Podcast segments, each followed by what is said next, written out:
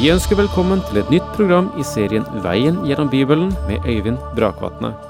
Denne studieserien er produsert av P7 Kristen Riksradio og bygger på serien Through the Bible av Vernon McGee. I dag fortsetter vi med gjennomgangen av Matteus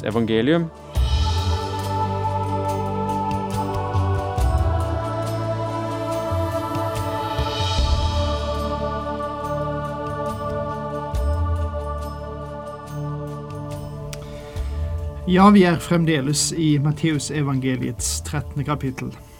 Det er så interessant, og jeg kunne ønske at jeg kunne tilbringe flere bibelstunder her i radioen med dere omkring dette kapitlet. Nå vil vi i alle fall være sammen om det i dag, da, men kanskje det da går mot slutten av det. I alle fall så slår vi nå opp Matteusevangeliets 13. kapittel og leser fra vers 45, lignelsene om den kostelige perle. Himmelriket kan også lignes med en kjøpmann som lette etter fine perler. Da han kom over en meget verdifull perle, gikk han bort og solgte alt han eide, og kjøpte den. Den populære tolkning av denne lignelsen sier at synderen er kjøpmannen, og den kostelige perle er Kristus.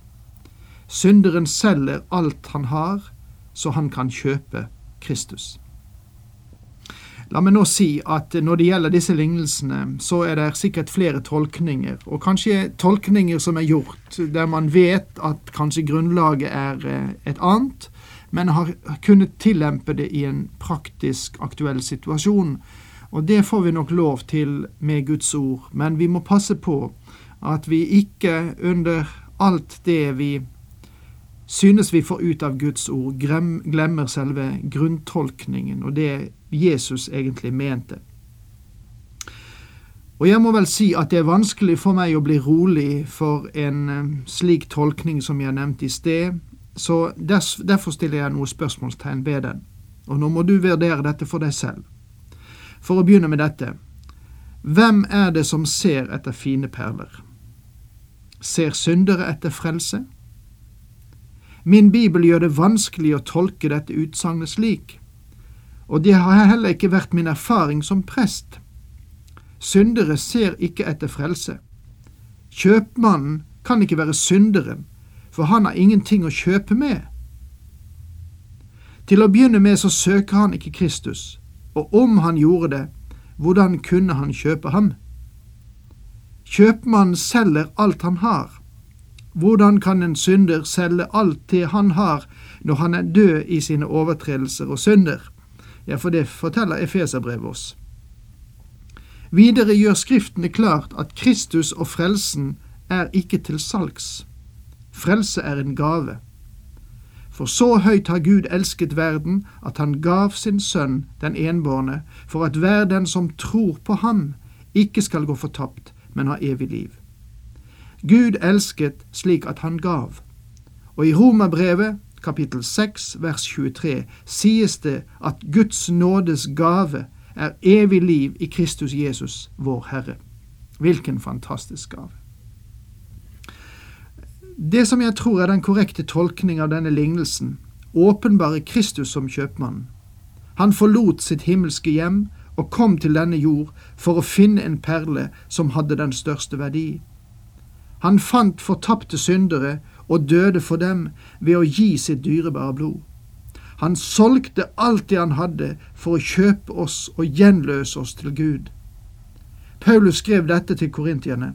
Dere kjenner vår Herre Jesu Kristi nåde. For deres skyld ble han fattig da han var rik, for at dere skulle bli rike ved hans fattigdom. 2. Korintiebrev, kapittel 8.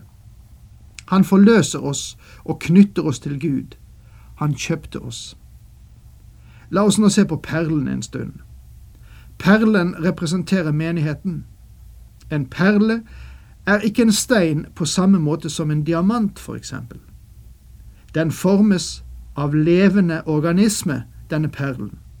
Et sandkorn eller andre fremmedelementer for muslingen finner veien inn i denne lille sjøskapningens skall. Det sårer og skader den.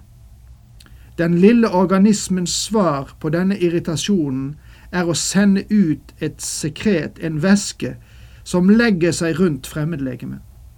Og dette sekretet bygger seg opp inntil det blir formet en perle. Ikke en rubin eller en diamant, men en vakker, hvit perle. En perle er ikke lik andre smykkesteiner. Den kan ikke skjæres opp eller forandres slik at dens skjønnhet blir mer synlig. Den er formet helt intakt, og det øyeblikket du deler den, så ødelegger du den. Israelittene så aldri på perlen som noe særlig verdifullt. Flere vers i Skriften antyder det. For eksempel blir perlen satt i klasse med koraller og bergkrystaller hos Jobb i kapittel 28 vers 18. Selv om perlen ikke ble ansett for særlig verdifull blant hebreerne, så var den meget verdifull for hedningene. Når Kristus brukte bildet om fine perler i vers 45, så kan jeg bare tenke meg at disiplene spurte seg selv hvorfor. Orientalske folk ga perlen en symbolsk mening som gikk på uskyld og renhet, og det var passende for konger og herskere. Og med disse opplysningene i vårt sinn, la oss nå se enda en gang på denne lignelsen. Kristus kom til denne jord som kjøpmann. Han så menneskets synd, og han tok menneskets synd og bar den på sitt eget legeme. Vår synd var et angrep på ham. Det var fremmed legeme. Og han ble gjort til synd for oss. Som en har sagt det, jeg kom inn i Kristi hjerte gjennom såret av en spydspiss. Kristus ble såret for våre overtredelser og knust for våre misgjerninger. Legg nå merke til Kristi svar til synderne. Han legger rundt oss sin egen rettferdighet. Han dekker oss med sin egen hvite rettferdighetskappe, for vi er Hans verk, skapt i Kristus Jesus. Efesane 2,10. Kristus ser oss, ikke slik som vi er nå, men som vi en dag skal bli presentert for ham, som uten flekk eller rynke eller noe slikt, hellig og uten feil skulle den være. Efesene 5, 27. Kristus solgte alt det han eide, for at han skulle vinne seg sin menighet. Mine kjære, nå er vi Guds barn, og det er ennå ikke blitt åpenbart hva vi skal bli. Vi vet at når Han åpenbarer seg, skal vi bli ham lik, for vi skal se ham som han er. 1. Johannes brev, kapittel 3, vers 2. Når vi kommer til Bibelens siste bok, åpenbaringsboken, finner vi en beskrivelse av det nye Jerusalem, menighetens fremtidige hjem. Legg merke til emblemet på utsiden av byen. Portene inn til staden er gjort til perler. Og det er ingen tilfeldighet, mine venner. Det er planlagt slik, med Kristi egen sans for design. Han er kjøpmannen som da han kom over en meget verdifull perle, gikk bort og solgte alt han eide, og kjøpte den. Endelig er himmelriket å ligne med en not som blir kastet i sjøen og fanger fisk av alle slag. Når den er full, drar fiskerne den opp på stranden, de setter seg ned og samler de gode fiskene i kar, men kaster ut de ubrukelige. Slik skal det gå ved verdens ende. Englene skal dra ut og skille de onde fra de rettferdige. Slik skal det gå ved verdens ende. Ordet verden på gresk aion betyr tid eller periode. Og Bibelen lærer oss ikke at det vil være en tid der verden ikke er. Det er sant at tiden skal ikke være mer, men evigheten begynner, og for min del kan jeg ikke gi deg en oppskrift på forskjellen.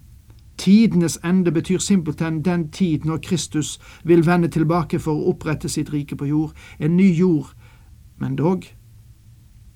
Og kaster dem i ildovnen, der en gråter og skjærer tenner. Herren gjør det klart med disse knappe ord at det er forferdelig å være tapt. En amerikansk bibellærer forteller at han leste en avhandling skrevet av menn som presenterte sine vitenskapelige resultater på flere forskjellige områder, og et av de store poengene var at det var mange ting de ikke var sikre på. For eksempel var de ikke sikre på hva en atomeksplosjon kunne føre til.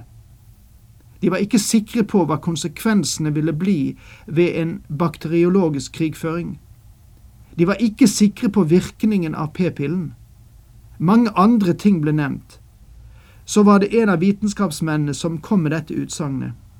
Det er akkurat som spørsmålet om evigheten.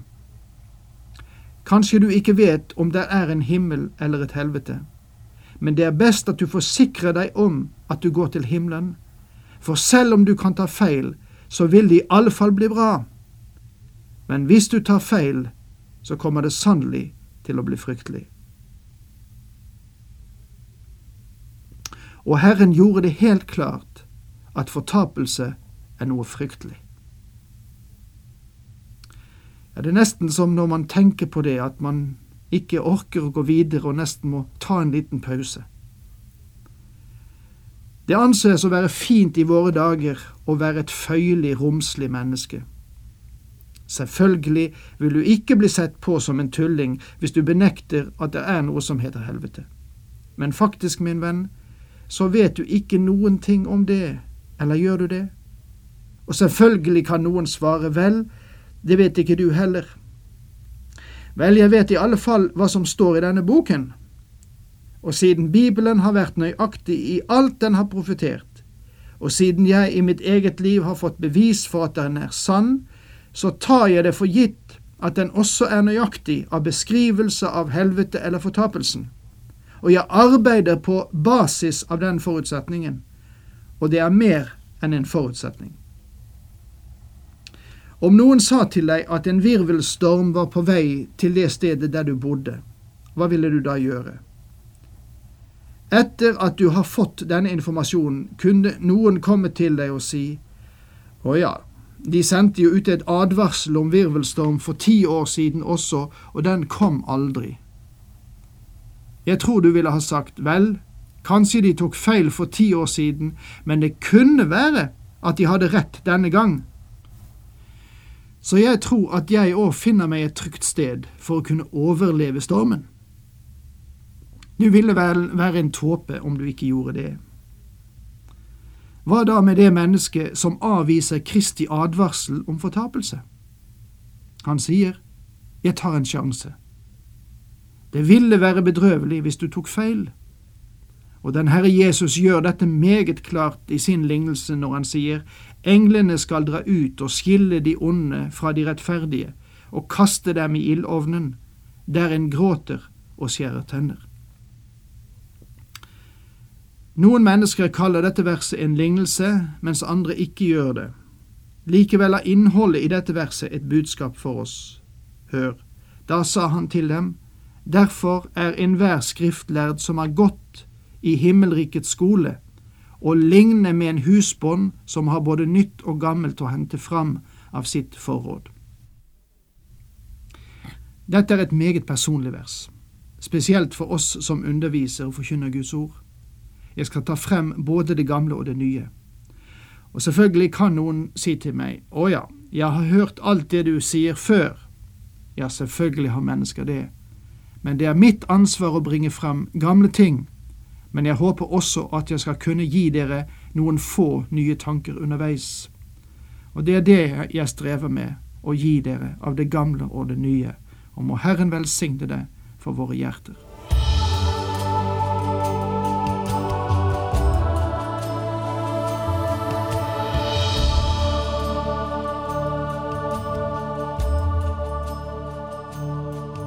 Du hørte Øyvind Brakvatne i studieserien Veien gjennom Bibelen. Serien bygger på et manus av Vern McGee. Har du spørsmål eller kommentarer til programmet, kan du sende en e-post til vgb krøllalfa p7.no. Takk for i dag, og på gjenhør.